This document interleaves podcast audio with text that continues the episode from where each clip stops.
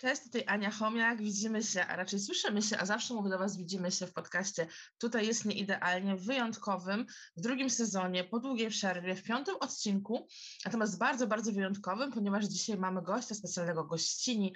Mamy Anię Machulską, która prowadzi podcast o matką. Aniu, przywitaj się z nami i powiedz y, po prostu parę słów o sobie.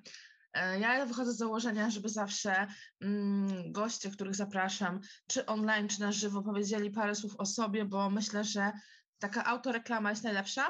Wtedy prezentujemy to, co naprawdę chcemy powiedzieć i też y, mamy szansę, y, żeby słuchacz zapamiętał te informacje, które są dla nas najważniejsze. Także w tej chwili jakby słuchamy krótkiego Twojego bio, a ja zaraz zrobię dokładne wyjaśnienie, dlaczego tutaj jesteśmy. O, we dwie. Cześć Aniu, dziękuję przede wszystkim za zaproszenie do podcastu.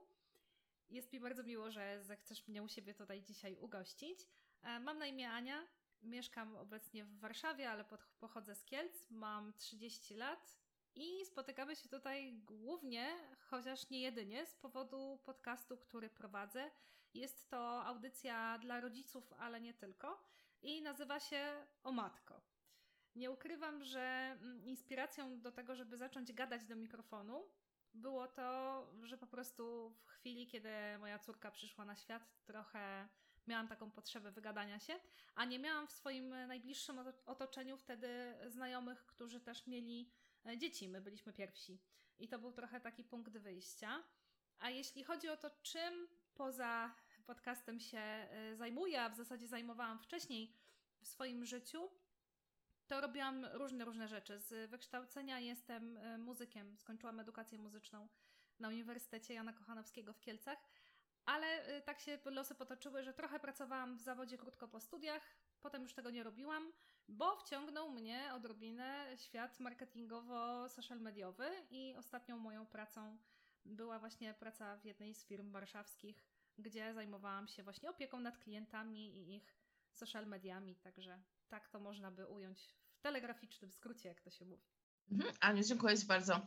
Tak naprawdę dzisiaj spotykamy się e, tak jakby dlatego, że jest to rewizyta, ponieważ ja gościłam niedawno u Ani też na podcaście.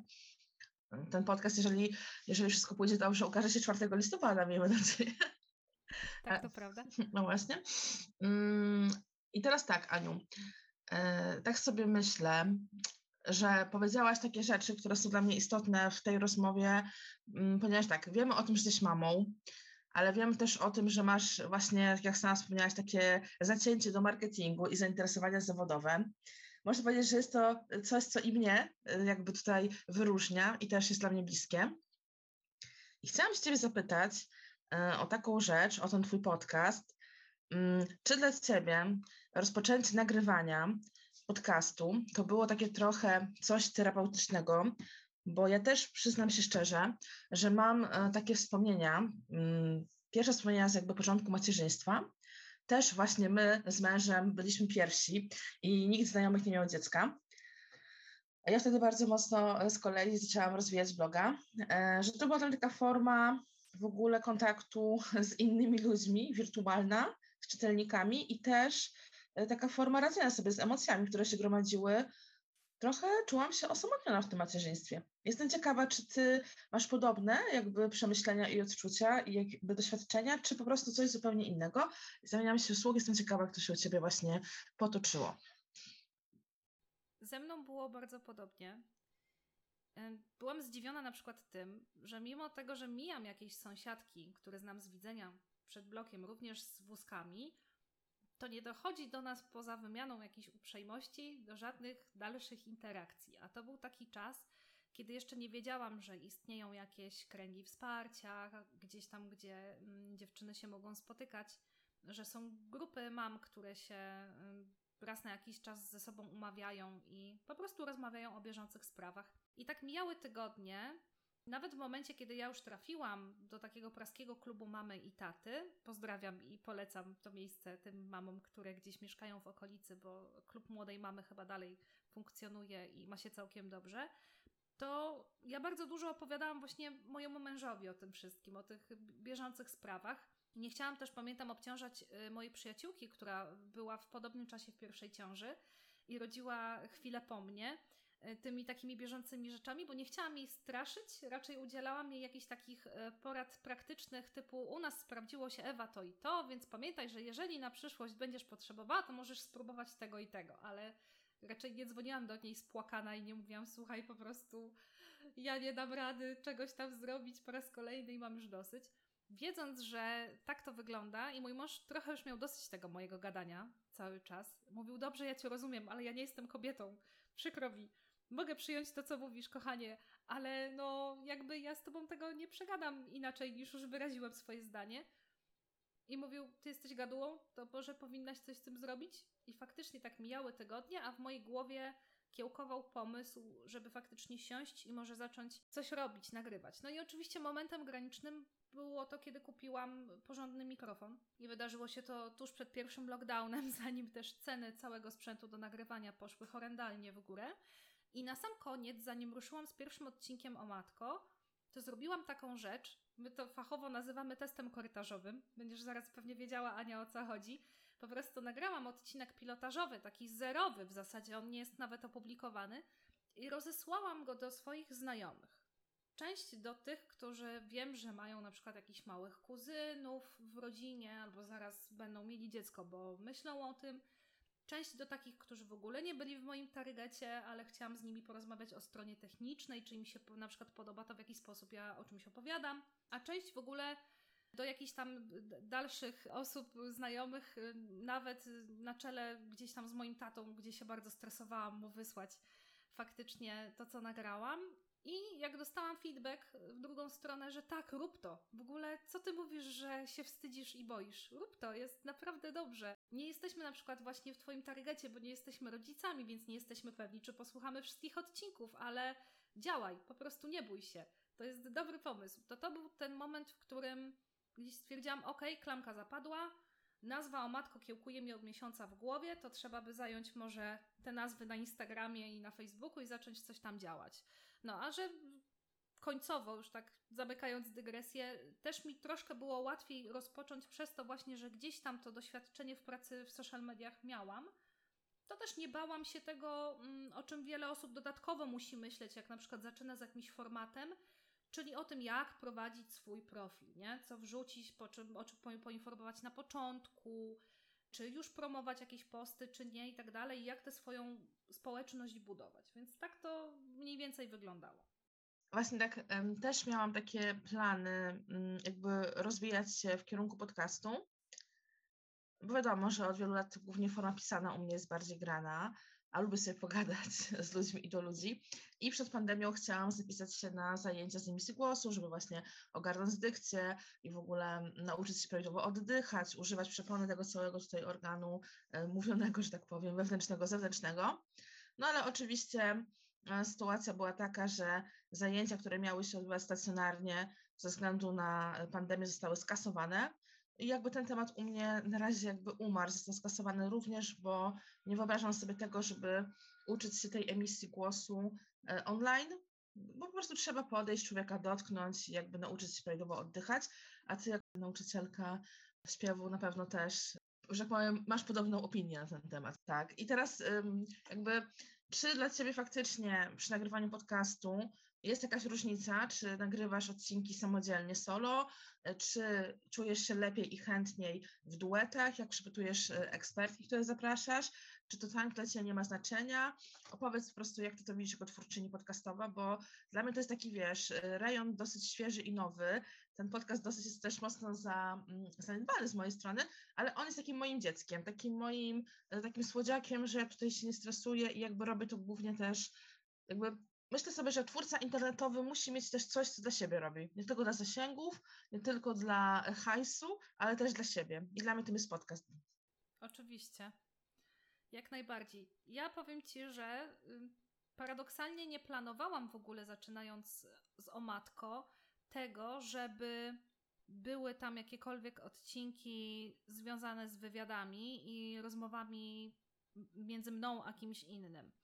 To, że zrobiłam odcinek odnośnie wcześniactwa pierwszy, gdzie ja sama opowiadam o tej całej sytuacji i historii ze swojej perspektywy, pociągnął za sobą naturalnie to, że chciałam skonfrontować po prostu i usłyszeć też czyjąś inną historię, dlatego do drugiej części zaprosiłam prezeskę Fundacji e, Wcześniak Rodzice Rodzicom. Ale wydawało mi się wtedy, a nagrywałyśmy, oj, chyba dosłownie 8 marca 2020 roku, czyli dzień przed tym, jak się wszystko zaczęło sypać. Ja wtedy myślałam, że to będzie jeden, jeden raz, bo bardzo się stresowałam, miałam epizody w swoim życiu, gdzie też byłam na praktykach w redakcjach muzycznych dwóch i jak przyszło mi robić jakiekolwiek wywiady, to zawsze szłam do tych wykonawców na glinianych nogach, mimo że paradoksalnie całe dzieciństwo spędziłam za sceną. To zawsze gdzieś tam taki strach oblatywał, że pierwsze 10 minut było, że tak powiem, bardzo na sztywno i, i tak ze stresem po mojej stronie. I wtedy też tak było. I wychodząc z tej rozmowy miałam takie, nie, dobra, jakby zrobiłam to raz, Wystarczy? Dużo nerwów mnie wewnętrznie to kosztowało i stresu i podziękuję. A potem przyszła pandemia. I ja rzeczywiście, mimo rozpisanych jakichś tam planów na odcinki, gdzie mieli się sporadycznie goście pojawiać, to y, trochę się podłamałam. I miałam rzeczywiście taki moment, w którym dosyć mocno przeżywałam to, co się dzieje, i uważałam, że niemożność gdzieś tam spotkania się z kimś, żeby coś skonsultować na żywo przy kawie, nawet jeżeli ja na podstawie tych informacji miałabym później powiedzieć, że robię odcinek solowy w oparciu o to, że ktoś tam się ze mną swoją wiedzą podzielił, sprawił, że ja nie miałam chwilowo motywacji. I musiałam gdzieś też przeżyć barierę taką związaną ze stroną techniczną nagrywania rozmów online. I szukałam bardzo długo na przykład dobrego komunikatora, żeby to jakoś brzmiało po prostu, bo bardzo mi zależy jednak na tym, żeby jakość tych odcinków była dosyć wysoka bo sama też takich lubię słuchać.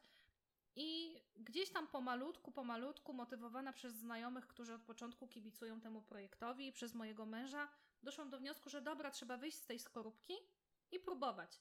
A potem, jak to w życiu, okazało się, że napisanie właśnie do kolejnej fundacji albo do kolejnej osoby, która, nie wiem, zajmuje się czymś, załóżmy, jest psycholożką dziecięcą, jest prostsze niż się wydaje. Bo po drugiej stronie najczęściej nie siedzi taka gwiazda, która na Olimpie po prostu z góry na wszystkich patrzy, tylko też człowiek. I do tej pory nie napotkałam na żadne problemy z tym, żeby gdzieś tam z kimś się móc spotkać. Ale do brzegu. Obie te formy lubię robić. Aczkolwiek, kiedy mam sama siąść teraz przed mikrofonem i nagrać odcinek solowy, to mam większą tremę niż w sytuacji, w której wcześniej wymieniam się mailami z kimś tam albo mamy spotkanie robocze mniej więcej na temat tego, co chcemy zrobić w danym odcinku. Niemniej traktuję te odcinki solowe, które troszeczkę więcej mnie kosztują w sensie takim stresowym, jako takie ćwiczenie na wychodzenie ze strefy komfortu. I myślę, że obie te formy się dobrze u mnie przyjęły i obie są potrzebne. I też dobrze, żeby też podcast ewoluował. Moim zdaniem nie ma też właśnie co się zamykać w jednej szufladce, że okej, okay, u mnie będzie tylko tak i tak, bo jak widać, okoliczności mogą zmienić w ogóle myślenie tak na już, szybciutko i instant.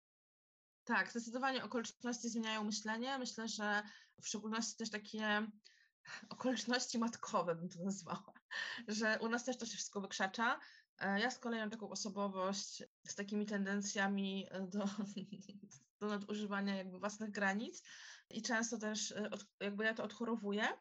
I jakby już mam wrażenie, moi czytelnicy są przyzwyczajeni, że to takie są czasami zrywy, że jest dużo, dużo, dużo treści, potem jest taki stop lekki i tam ktoś, kto dobrze czyta między wierszami, to już po prostu wychwytuje, że pewnie mam jakiś gorszy moment prywatnie, czy ze sobą, czy, czy z czymś tam w życiu i jakby jest tego mniej. Na podcaście to wiadomo, że to jest taki malutki dla mnie projekt, że tutaj to, to jakby jeszcze pewnie nikt tam się za bardzo nie, e, nie zorientował, jak ja tutaj funkcjonuję, ale powiedziałaś dzisiaj też o tym, że dla Ciebie teraz po tych doświadczeniach, po rozmowach iluś już przeprowadzonych z gośćmi, ciężko jest usiąść solo.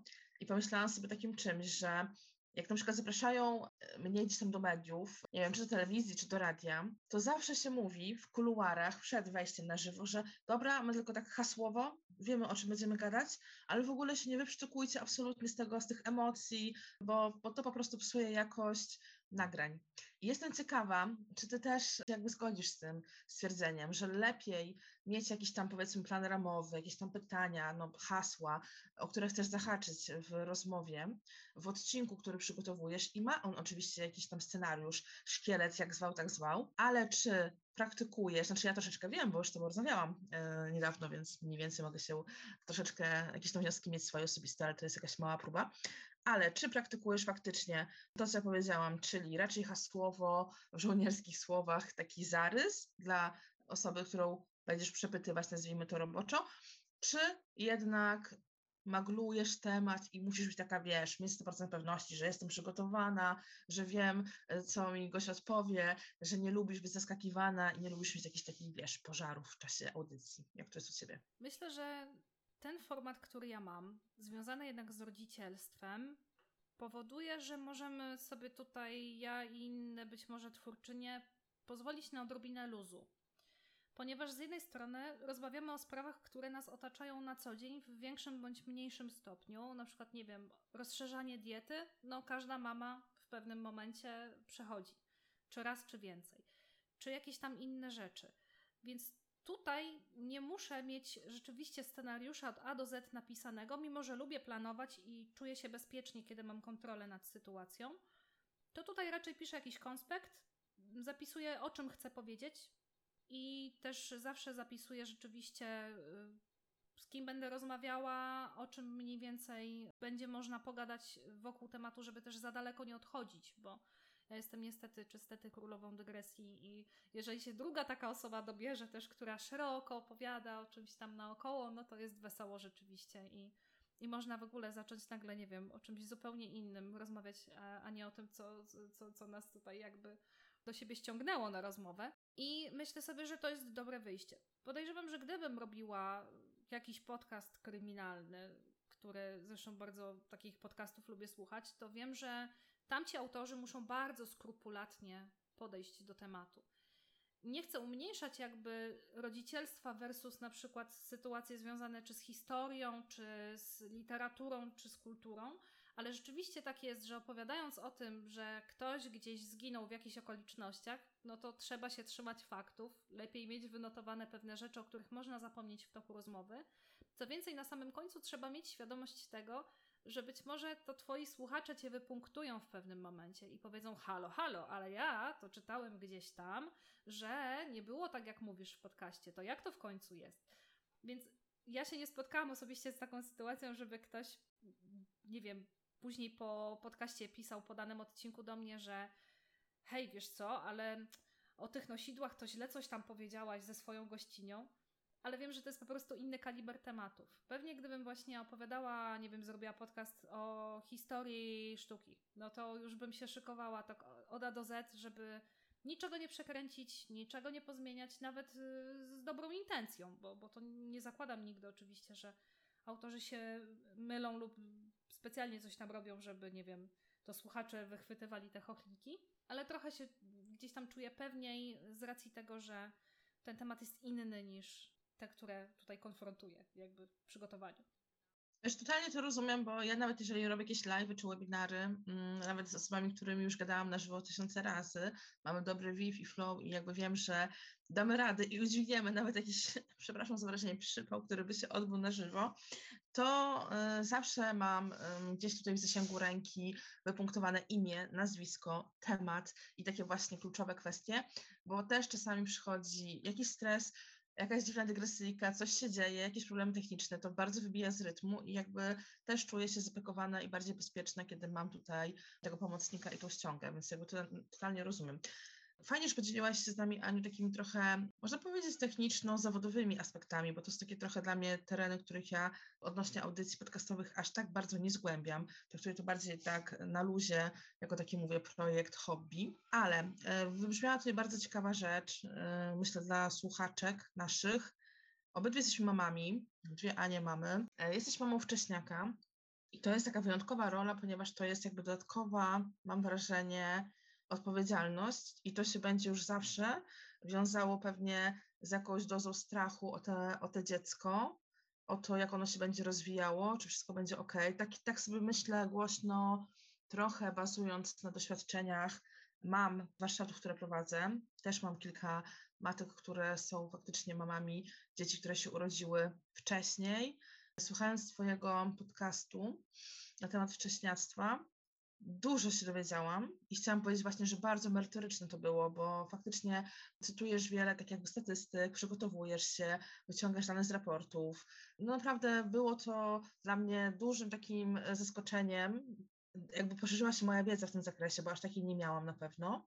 Bardzo taka wiedza, która gdzieś tam jest zasłyszana i wynika z wymiany doświadczenia między innymi e, kobietami, mamami. I ja chciałam się zapytać właśnie o to, czy ty troszeczkę już zdystansowałaś się do tego wszystkiego, co się wydarzyło, w sensie tej, tego przedwczesnego porodu?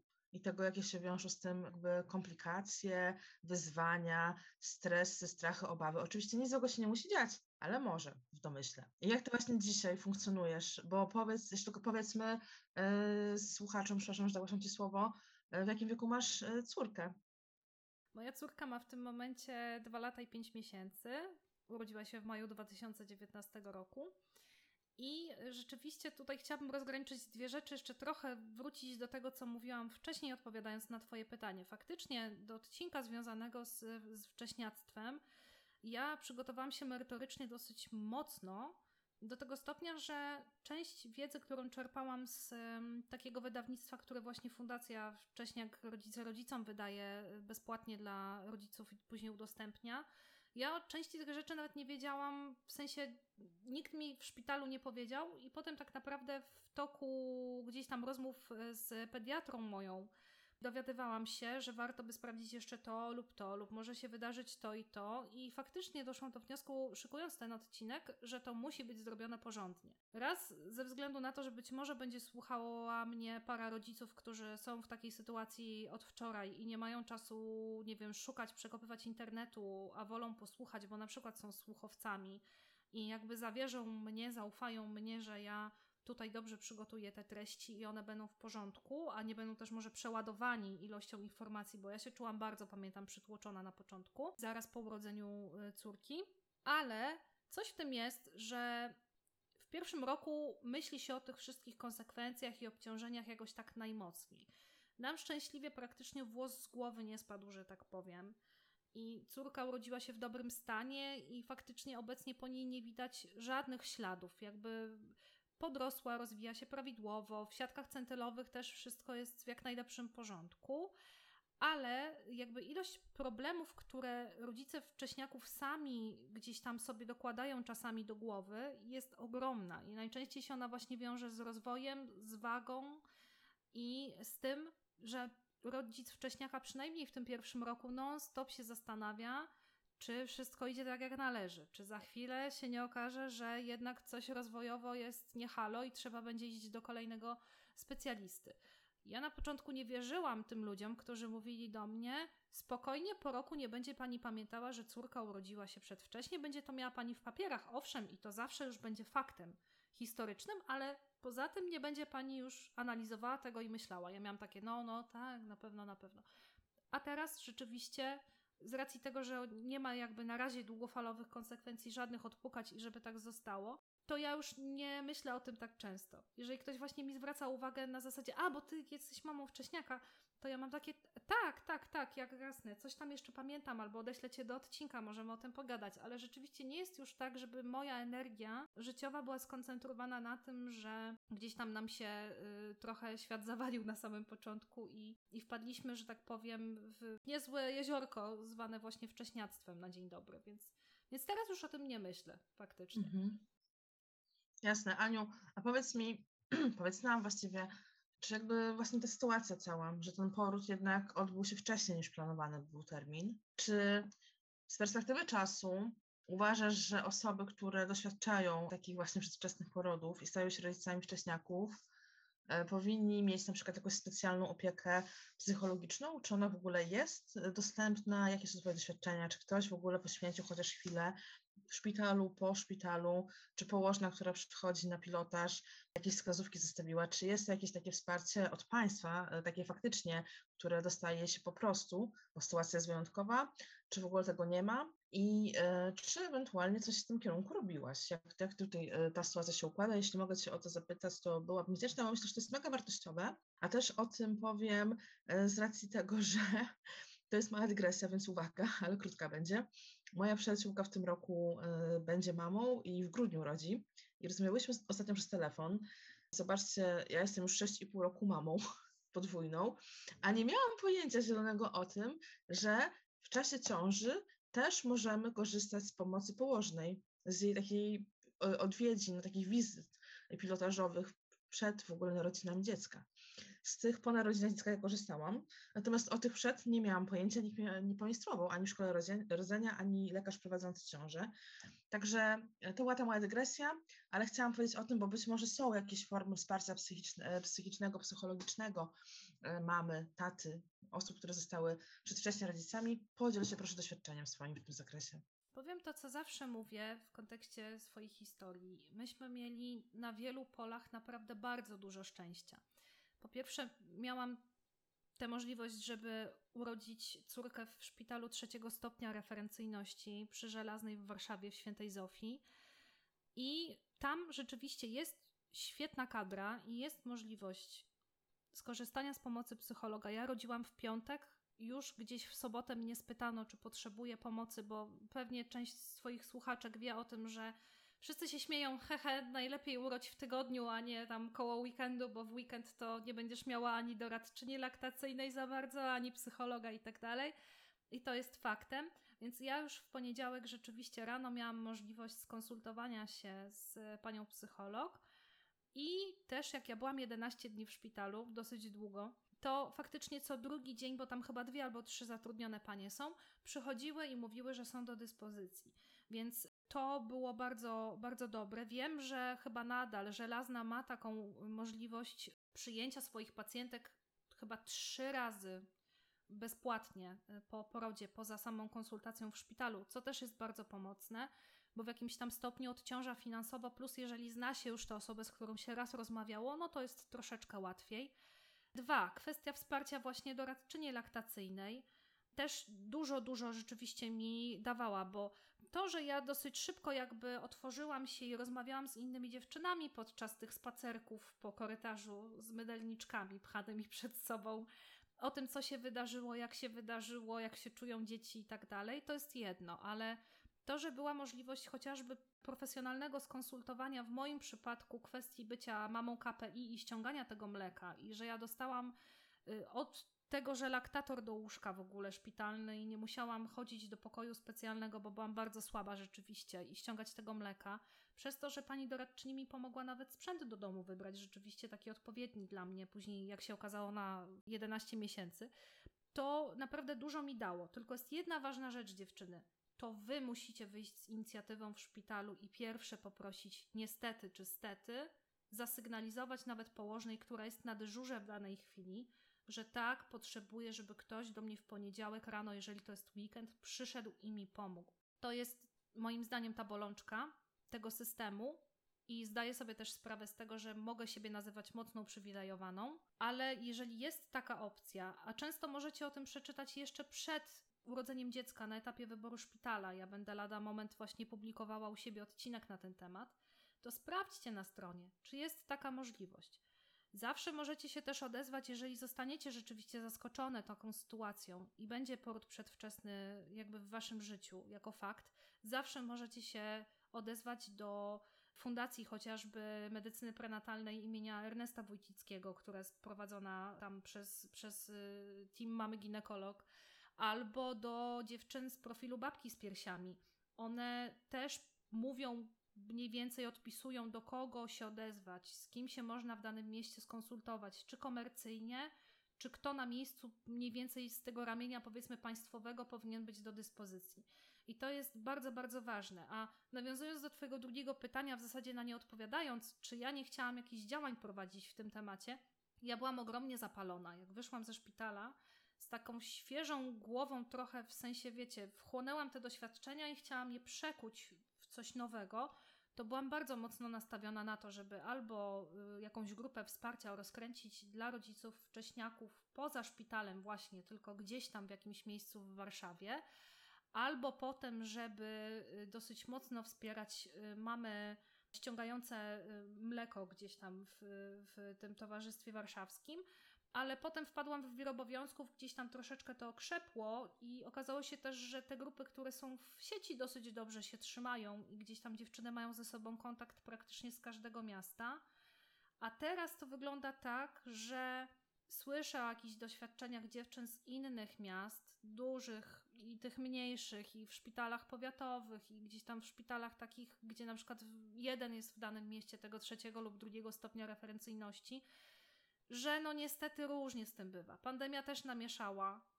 Był taki moment, że no ciężko było nawet konsultować się z jakąś doradczynią laktacyjną na miejscu, bo, bo nawet to było wątpliwe gdzieś tam w sensie przyjmowania y, pacjentek i omawiania na bieżąco tego, co się dzieje. Komercyjnie też ciężko było ściągnąć kogoś sobie do domu. Plus zrobiła się kolejka do specjalistów, same doskonale wiemy, czy do psychologów, czy do psychoterapeutów, czy do psychiatrów. I to jest na pewno coś, co warto, żeby zostało usprawnione być może na tym szczeblu państwowym. Dlatego powtórzę to po raz kolejny warto przed się gdzieś tam rozejrzeć i rozeznać na temat tego, gdzie w razie czego odpukać można by prosić o pomoc, jeżeli ona będzie potrzebna. Nawet jeżeli nie dla siebie mamy, to być może dla jakiejś mamy innej, znajomej, sąsiadki, przyjaciółki, kuzynki, siostry. Bo w momencie, kiedy mm, rodzice stają przed taką sytuacją, że są rodzicami te trzy tygodnie wcześniej, sześć tygodni wcześniej, tak jak ja, nie wiem, dwa miesiące wcześniej, to oni nie zawsze mają siłę, mm, żeby poprosić o pomoc i też nie zawsze mają siłę, bo są tak zafiksowani jakby na sytuacji, w której są, żeby się rozglądać na boki i myśleć o tym, do kogo zadzwonić lub do kogo napisać o możliwość skonsultowania swojej sytuacji. Ja tak naprawdę, jak sobie spróbuję przypomnieć swój pierwszy tydzień w szpitalu, no to mm, nie miałam siły nawet czytać broszur za bardzo a neonatolodzy i gdzieś tam lekarze, którzy prowadzili czy córkę, czy mnie, no też mieli swoje obowiązki, więc y, na obchodzie wiadomo, no chwilę się poświęca, a potem się leci gdzieś tam dalej ze swoimi sprawami, więc dużo wolniej dowiadywałam się o tym wszystkim, co mogłam wiedzieć tak na już, gdybym na przykład została poinformowana w szpitalu o tym, że taki przewodnik jakby dla rodziców po wcześniactwie istnieje i że można go poczytać, to tak przykładowo. Mhm. Aniu, już to bardzo dziękuję za tą naprawdę wyczerpującą odpowiedź. Powiem tak, mam takie trzy refleksje, które wynikają z tego, co powiedziałaś. E, jedna jest taka, że na pewno nikt z nas nie planuje jakichś jakby negatywnych rozwiązań, y, takich komplikacji, nazwijmy to, nie negatywnych, ale takich nieoczekiwanych jakichś problemów. Wydaje mi się, że troszeczkę ciężko byłoby się przygotować na zaś, na takie sytuacje jak wcześniactwo, chyba że faktycznie ciąża jest z początku na przykład, nie wiem, zagrożona, mm, lekarze prowadzący dają jakieś znaki, bo coś tam się dzieje, czy z łożyskiem, czy z jakimiś innymi szczami. Ja też nie będę się wydawała w jakieś mocno medyczne e, tutaj terminy, żeby nie powiedzieć jakiś głupot, absolutnie. Na pewno odwołuję wszystkie mamy, które chciały poszerzyć swoją wiedzę z tego zakresu Twojego podcastu i tego odcinka, dwóch odcinków, właściwie dwóch części zdaje się, dobrze mówię, nie wiem, popraw mnie, jeżeli źle, o, o właśnie byciu, byciu mamą e, wcześnia, wcześniaka, wcześniaczki, nie wiem, jak to się w ogóle odmienia w kontekście dziewczyny. To jest jedna kwestia. Druga jest taka, że faktycznie dużo jest jeszcze do zrobienia w kontekście w ogóle opieki okołoporodowej, w ogóle właściwie przedporodowej, poporodowej. Generalnie raporty są bezlitosne. Fundacja Rodzić po ludzku właściwie z roku na rok robi świetną robotę i walczy bardzo mocno o nasze prawa, ale niestety dalej jest jeszcze wiele do zrobienia i jakby no wiadomo, jakby wielu pokoleń nie zmienimy w, w przeciągu 10 lat, tylko potrzebujemy na to przynajmniej 4 pokolenia, czyli jakieś około 100 lat, tak średnio, więc pewnie prapra nasze jakieś tam prapra wnuki, wnuczęta być może będą miały lepszą sytuację. Niemniej, ja uważam, że to, co robisz, jest potrzebne bardzo, Aniu, i jakby Moim zdaniem jest to temat bardzo mało nagłośniony. Taki, który właściwie przy każdej fundacji kobiecej, przy każdych jakichś działaniach matkowych, rodzicielskich, parentingowych, zawsze myślę, byłby tak jakby chętnie przyjęty jako takie coś, co jest temat wcześniactwa, mam, mam jakby na myśli ten temat wcześniactwa, jakby wsparcia, udzielania wsparcia właśnie wszelakiego, i tego medycznego, i tego psychologicznego, i rodzicom, i w ogóle rodzinie, nie tylko rodzicom, bo też myślę, że czasami to może dalej iść, dziadkowie sobie nie radzą z sytuacją, że na przykład się boją wziąć na ręce maleństwo, nie wiedzą jak pomóc, jak wesprzeć rodziców. No myślę, że to milion tematów jest, które można poruszyć, ale y, jestem przekonana, że jest to temat bardzo potrzebny i na pewno y, byłby ciepło przyjęty i jakby taka, y, jak znam ludzi, którzy działają w fundacjach, to zawsze chcą edukować i wspierać i myślę, że to jest takie, taka część niezagospodarowana, że oczywiście jest fundacja, która działa na rzecz gdzieś tam edukowania i wsparcia, natomiast to jest cały czas za mało, zbyt mała siła przybicia. Nie jest takie, wiesz, nie jest to tak rozpowszechnione, na przykład jak to, co na przykład robi mama ginekolog. Wiadomo, że to już jest skrajnie biegun, wiesz, po prostu mega zasięgu i fejmu i tak dalej, no ale jednak myślę, że to jest super kierunek. I trzecia rzecz, którą chciałam tak jakby do tego, co powiedziałaś, jakby zamknąć, może tą część rozważań, że tak sobie myślę, jak wyszłaś z tego szpitala, no i byłaś taka, wiesz, nowa sytuacja, nasiąknięta trochę doświadczeniami, w ogóle taka też myślę wstrząśnięta tym wszystkim i zaskoczona, to myślę, że bardzo dobrze się stało, że wtedy się nie zaangażowałaś w te działania, a teraz robisz świetny podcast na ten temat i, i w ogóle z y, fajnymi ludźmi przeprowadzasz rozmowy, dlatego że masz jednak ten dystans.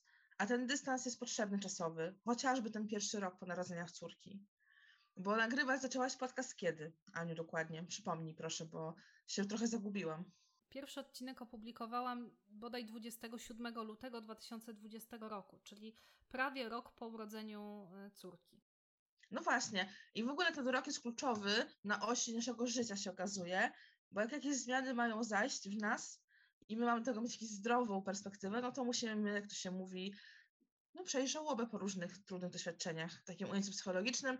I ten rok, kurczę, też jest tutaj kluczowy, bo ja na przykład z kolei zaczęłam pisać bloga rok po śmierci mamy. Zgadza się. Tak, tak. Także jakby te trudne takie doświadczenia, myślę, one się muszą w nas zmaterializować i jakby być przepracowane, żeby pójść dalej. Ten temat jest jakby bardzo ciekawy, wartościowy. Myślę, że mogłyśmy zrobić z tego cykl spotkań. nie wiem, ile tutaj gadać, z 18 godzin albo i więcej, ale myślę, że do brzegu musimy, musimy trochę iść, bo, bo to już jest bardzo długo. Chciałabym, nie wiem, czy w tym temacie w ogóle jakby możemy postawić kropkę, czy chciałabyś coś jeszcze jakby dodać?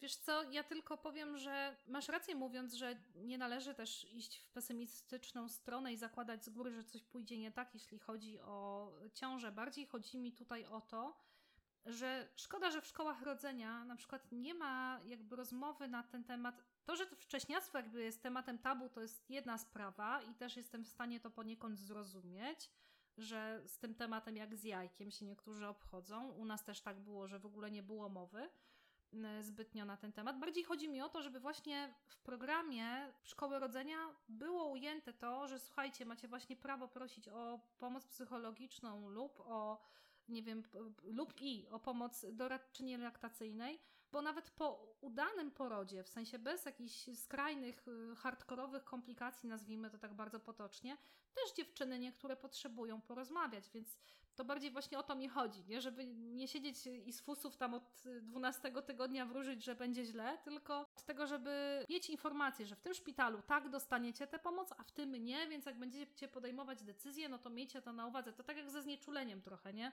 W niektórych szpitalach o zgrozo jeszcze się go ciągle nie dostanie, więc, więc to bardziej o to mi chodzi i tu już mogę kropkę y, postawić jak najbardziej w tym temacie. Jasne, prawa, prawa pacjenta, jakby ja tutaj muszę też dać komentarz, y, bo, bo jakby z tego, że ja od y, trzech lat prowadzę zajęcia dla mam i jakby zawsze takim tematem rozchodniaczkiem, takim tematem bardzo integracyjnym grupę, no może nie na pierwszych zajęciach, żeby ludzi nie wystraszyć, ale jakoś zawsze niedaleko, jest pytanie o porody, o doświadczenia, gdzie rodziłyśmy, w jakich szpitalach, w jakich placówkach, czy poród pierwszy był taki, czy drugi był inny, e, czy właśnie była cesarka, czy siłami natury, czy zabiegowo, czy co tam się zadziało.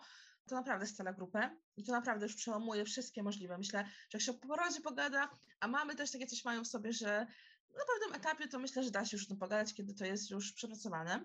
Mi z kolei brakowało w szkole rodzenia dwóch rzeczy. Ja nic nie wiedziałam na temat wakum, które miałam i mu poród się skończył z to było dla mnie bardzo traumatyczne. To był bardzo, to było trudne przeżycie, ale to dzisiaj o tym nie będziemy rozmawiały, bo to nie ma na, na, to przestrzeni i czasu i też myślę, to nie ten temat. To to. I jakby druga kwestia, to powiedziałaś, że wcześniactwo jest tabu.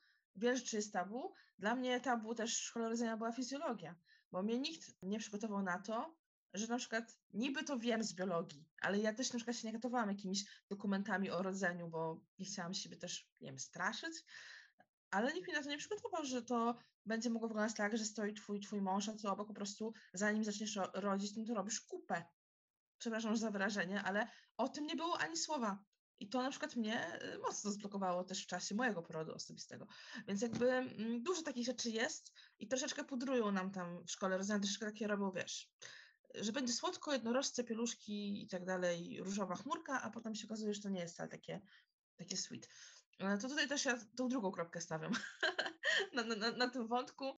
E, I, I myślę, że, że jakby nasza audycja dzisiaj to będzie taka po prostu wymiana jakby przemyśleń, ogólno powiedziałabym społecznych, ale z tym takim akcentem na, na macierzyństwo i tutaj zahaczyłyśmy o dwie fajne przenikające się pasje. Podcast, który e, zrodził się jakby z potrzeby też Twojego jakiegoś podzielenia się, trochę taką kiedyś, co opowiedziałaś e, w innej rozmowie ze mną, jako forma autoterapii.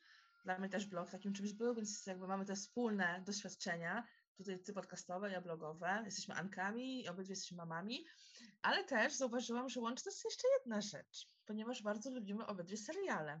I, jakby Wiesz co, chciałabym e, tą audycję zamknąć już tak właśnie takim lejtowym tematem, taką wisienką na torcie, może taką inspiracją. E, może podzieliłabyś się po prostu jakąś fajną polecanką serialową, wiesz, bo ja też chętnie się czegoś dowiem, e, może innego, może mnie też zainspirujesz i po prostu coś powiesz, co polecasz nam ostatnio, co byś poleciła do obejrzenia. Co i dlaczego? Krótko, prośba. Oj tak. Okej, okay, to teraz potrzebuję pół minuty, żeby się zastanowić, bo Zrobiłam swego czasu wczesną wiosną, chyba 2020 roku, właśnie odcinek odnośnie tego, co warto oglądać w tych krótkich przerwach na składanie pieluch lub karmienie. I tak nie Słuchałam chcę teraz, tego podcastu. Nie chcę powiedzieć jakby tutaj y, tego wszystkiego, no bo jak sami wszyscy doskonale wiemy o tym, część seriali ma milion sezonów i one się tak toczą, toczą, toczą. Musiałabym pomyśleć, co ja ostatnio takiego oglądałam. Hmm. Na pewno dosyć mocno poruszył mnie serial, um, który jest dostępny na HBO Go. Jest to ten serial z Nicole Kidman i z Hugh Grantem od nowa. Gdzieś tam dosyć, dosyć mocno myślałam. Y, później mieliśmy swoje osobne rozkminy, ja i mój mąż, na temat fabuły to jest na pewno to. Ostatni najnowszy sezon, co robimy w ukryciu, czyli mój ulubiony serial o wampirach w Nowym Jorku i o tym, jak oni tam starają się toczyć swoje życie towarzyskie głównie. Gdzieś tam, kiedy wszyscy śpią w mieście. Super serial. Oglądam go. To na pewno. Ten najnowszy sezon bardzo, bardzo mi podszedł pozytywnie, jeśli chodzi o takie, takie oglądanie całą serią. O rety. A z takich guilty pleasure, już takich naprawdę, wiecie, na zasadzie chcę siąść, odpocząć, wyłączyć myślenie, gdzieś tam przestawić się być może na czyjeś życiowe dramy, no to oglądałam ostatnio na Netflixie Miłość jest ślepa, edycja brazylijska, ponieważ wersja amerykańska to jest takie reality show właśnie o ludziach, którzy poznają się nie widząc siebie wzajemnie w takich budkach trochę jak randka w ciemno polska, powiedzmy, przedzielonych szybą, a potem mogą wziąć ze sobą ślub po kilku tygodniach, chyba tam po miesiącu. No to tak, była wersja amerykańska, a niedawno wyszła wersja brazylijska. A że ja mam ogromny sentyment z przeszłości do języka portugalskiego, to z miłą chęcią oglądałam po prostu cały, cały sezon z napisami no to ekscytowałam się strasznie. W sensie mój mąż to już tylko tak patrzył na mnie z ukosa i miał takie orety, ale przeżywasz. A ja tam po prostu, wiecie, składając ubranka, nadawałam na tych uczestników, że są tacy i tacy i czemu wy się tak zachowujecie, czemu się nie umiecie ze sobą dogadać. Więc to z takich właśnie rzeczy, które całkiem wyłączają myślenie, to, to też można to podciągnąć pod serial. Jest to reality show, co prawda, ale tak, ta miłość jest ślepa, to bardzo dużą przyjemność mi ostatnio sprawiła. Bo na ogół oglądam rzeczy dosyć ciężkie, jeśli chodzi czy o kino, czy o zamiłowanie do filmów dokumentalnych, to to akurat jest takim całkiem przeciwnym biegunem. O. Jasne. Ja też mam taką, taki jeden e, guilty pleasure, e, taki serial, nie pamiętam imienia głównej bohaterki, ale on leci jakoś tak, że imię tej bohaterki, nastoletnia dziewica. Mm, I jakby o, właśnie tak, chyba tak. O Jane, tak, tak, tak, tak, tak. Więc jakby e, fabuła jest taka, że laska zostaje zapłodniona y, przypadkowo. Miała mieć zrobioną cytologię, tak w ogóle. Tak, a, a, ma in vitro i generalnie to jest taka głupia latynoska, jakaś tam opera mydlana, jakaś w ogóle ojeju, ale to też jest takie moje, że jak czasami po prostu mam taki e, reset mózgu i to włączę, jakoś tak na tle na to się jako spisanie skupiam, to potem muszę odpocząć dwa tygodnie, żeby do tego wrócić, bo to tak mi jakby ryje bani, mówiąc kolokwialnie, że, że jakby polecam. Możesz trochę pośmiać i jakby yy, tak, jakby nie, znaczy nie wstydźmy się po prostu też pokazywać, że taka kultura taka niskich lotów bardzo też jest potrzebna nieraz, nie, nie tak nie ten, no wiadomo, wszystkie, we wszystkim trzeba zachować umiar, fast food serialowy też raz na jakiś czas nie zaszkodzi. Spoko. Aniu, e, ja Ci bardzo dziękuję za dzisiejszą rozmowę. Bardzo fajnie się Ciebie słucha. Masz w ogóle muszę Cię pochwalić, bo masz aksamitny głos, pięknie się go słucha. Naprawdę słychać, że pięknie mówisz. pięknie posługujesz się. Tak, tak, aparatem mowy, także bardzo mi było miło Cię też słuchać. E, moja wrażliwość słuchowa jest bardzo. ukontentowana i zachwycona. E, może jeszcze dodasz od siebie na koniec i zdradzisz nam trochę, jakiej muzyki Ania Machulska z podcastu O Matko słucha i co by nam mogła też jakąś ucztę muzyczną polecić. Też chętnie byśmy się dowiedzieli. Hmm, więc muszę to znowu podzielić na dwa, ponieważ jest Ania Ania i jest Ania mama. U nas w samochodzie w drodze do żłobka króluje Dawid Podsiadło, którego bardzo serdecznie z tego miejsca pozdrawiam.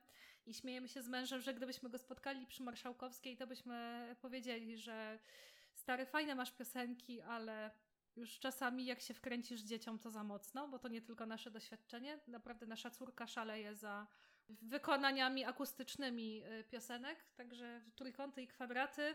Matylda, tak, Matylda. oraz mia- małomiasteczkowy non-stop w kółko lecą, że tak powiem. A co do mnie samej, hmm, ja dosyć y, mocno czekałam i kibicuję cały czas ty się też za chwilę pewnie uśmiechniesz, bo znam twoje preferencje z Instagrama trochę, jeśli chodzi o Ralfa Kamińskiego. Bardzo mocno czekałam na płytę związaną z projektem y, z piosenkami Kory i jestem zadowolona rzeczywiście z tego materiału, który wyszedł i lubię go słuchać ale też z tego wszystkiego, w co się Ralf ostatnio angażował gdzieś tam, czy z Miłoszem, czy w jakieś inne w ogóle projekty, naprawdę kawał dobrej roboty. I u nas w domu jest tak, że faktycznie mój mąż jest od mocnego uderzenia i klasycznego jazzu, bardzo dużo swingu słucha na przykład, więc takie w ogóle skrajności, więc jest bardziej po angielsku, kiedy on przejmuje stery na Spotify, a kiedy ja, no to więcej polskiej muzyki w tym właśnie tej szeroko pojętej alternatywy, bo ciężko zaszufladkować Ralfa już w tym momencie, to już w ogóle bardzo ciężko go gdzieś wrzucić w jakiś jeden gatunek. Spoko. Ja to w ogóle bardzo jestem, nie wiem, co mam powiedzieć, po prostu jestem zachwycona, że taką fajną koleżankę tutaj mam blisko siebie, blisko Puszkowa i ja tu widzę, że my tu możemy, Ania, o różnych tematach rozmawiać, nie tylko o podcastach, bo naprawdę i nie tylko o macierzyństwie, bo widzę tutaj naprawdę VIP jest niezły na kulturę. Bardzo mnie to cieszy. E, ja jakby się pod tym, co powiedziałaś, podpisuję. Dla mnie prezentem było to fantastycznym, że kocham Ralfa miłością już psychofanki, szczerze mówiąc. Aż czasami chcę się pisać w jego kanałach społecznościowych, bo już myślę, że wszyscy wiedzą, kim ja jestem, to trochę creepy. E, mogę tu taką e, przytoczyć jeszcze małą anegdotkę, wiem, że to się jeszcze audycja przeciąga, ale Spokojnie, może kogoś zainteresuje i rozbawi. Na e, ostatnim koncercie, jak byłam w Palladium, to był koncert taki wyjątkowy, bo był to koncert przekładany dla ludzi, którzy oddali krew, krew dla Śródmieścia. Taka edycja co roku w Warszawie była. Przez pandemię nam się oczywiście zrobiło opóźnienie roczne ale się odbył ten koncert i już była trasa Młodość zamknięta. Ja myślałam, że może, nie wiem, jakaś inna będzie stylowa na koncert, ale wyszło, że Młodość grają i miałam taką sytuację, że siedzę sobie z dziećmi, właściwie dzieci zebraliśmy pierwszy raz na koncert, też z wielkimi fankami Ralfa i podchodzi do mnie jakaś pani i mówi, przepraszam, czy to pani nie idealna Ania? A tak, tak.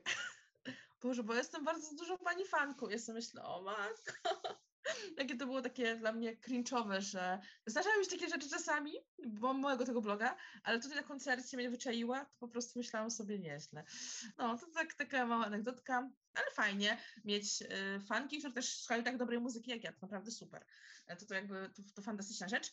No, ale tak jeszcze raz powiem, że ja Korę kochałam, miłością, wręcz kocham nadal, zresztą jej twórczość, a tutaj proszę, jaki deser wyszedł od Ralfa, że tu mix Ralf i Kora, więc idealnie. Także ja już kupiony mam bilet do Romy na 30 listopada i zacieram rączki, żeby pójść na wysłuchać na żywo Kory. No ja czekam jeszcze na, na płytę Natalii Przybysz, bo ona będzie z kolei robiła piosenki te, które nie mają jeszcze muzyki i w ogóle nie są jakby ograne, bo są oparte o ten zeszyt, który został wydany z wierszami Kory i też jestem bardzo ciekawa, bo jednej piosenki miałam okazję wysłuchać na Pradze w lipcu lipcu? W sierpniu tego roku. Y, I, I, faktycznie zapowiada się to no, bardzo, bardzo dobrze też. Także czekam na to. Też Natalię Przybysz bardzo lubię i jakby też, też jakby słucham. Zaleski teraz też wydał coś tam kolejnego. Też jakby, no mówię, ta polska muzyka też naprawdę fajnie. Tak, dzieje się, fajnie. Dzieje się, tak. Dobra. Jesteśmy w podcaście niekulturalnym, tylko rozrywkowym. Ani Chomiak tutaj jest nieidealnie. Było parę nieidealnych moich zająknięć, ale Ania tutaj idealnie wybrnęła. Pewnie jeszcze będzie pomagała przy montażu tego podcastu, więc będzie mnie lepsza jakość. Teraz ci mocno poprzeczkę postawiłam, ale to dobrze się wytnie. To co, Aneczko, dziękuję Ci serdecznie za rozmowę. Było naprawdę miło Cię wysłuchać i e, oby częściej. To ja dziękuję za gościnę i możemy pomyśleć, wiesz, kto wie, może wylądujemy w takim formacie jak e, Podsiadło i Kotarski podcast po prostu, tylko no, bardzo dobry podcast. dwóch dziewczyn, które e, siedzą i, i, gadają po prostu o wszystkim. Kto wie, co przyniesie przyszłość. Mo może tak być. Dziękuję Ci. Ja też dziękuję. To co, możesz nas auto, oficjalnie nas wyłączyć. Uchachałam się na koniec.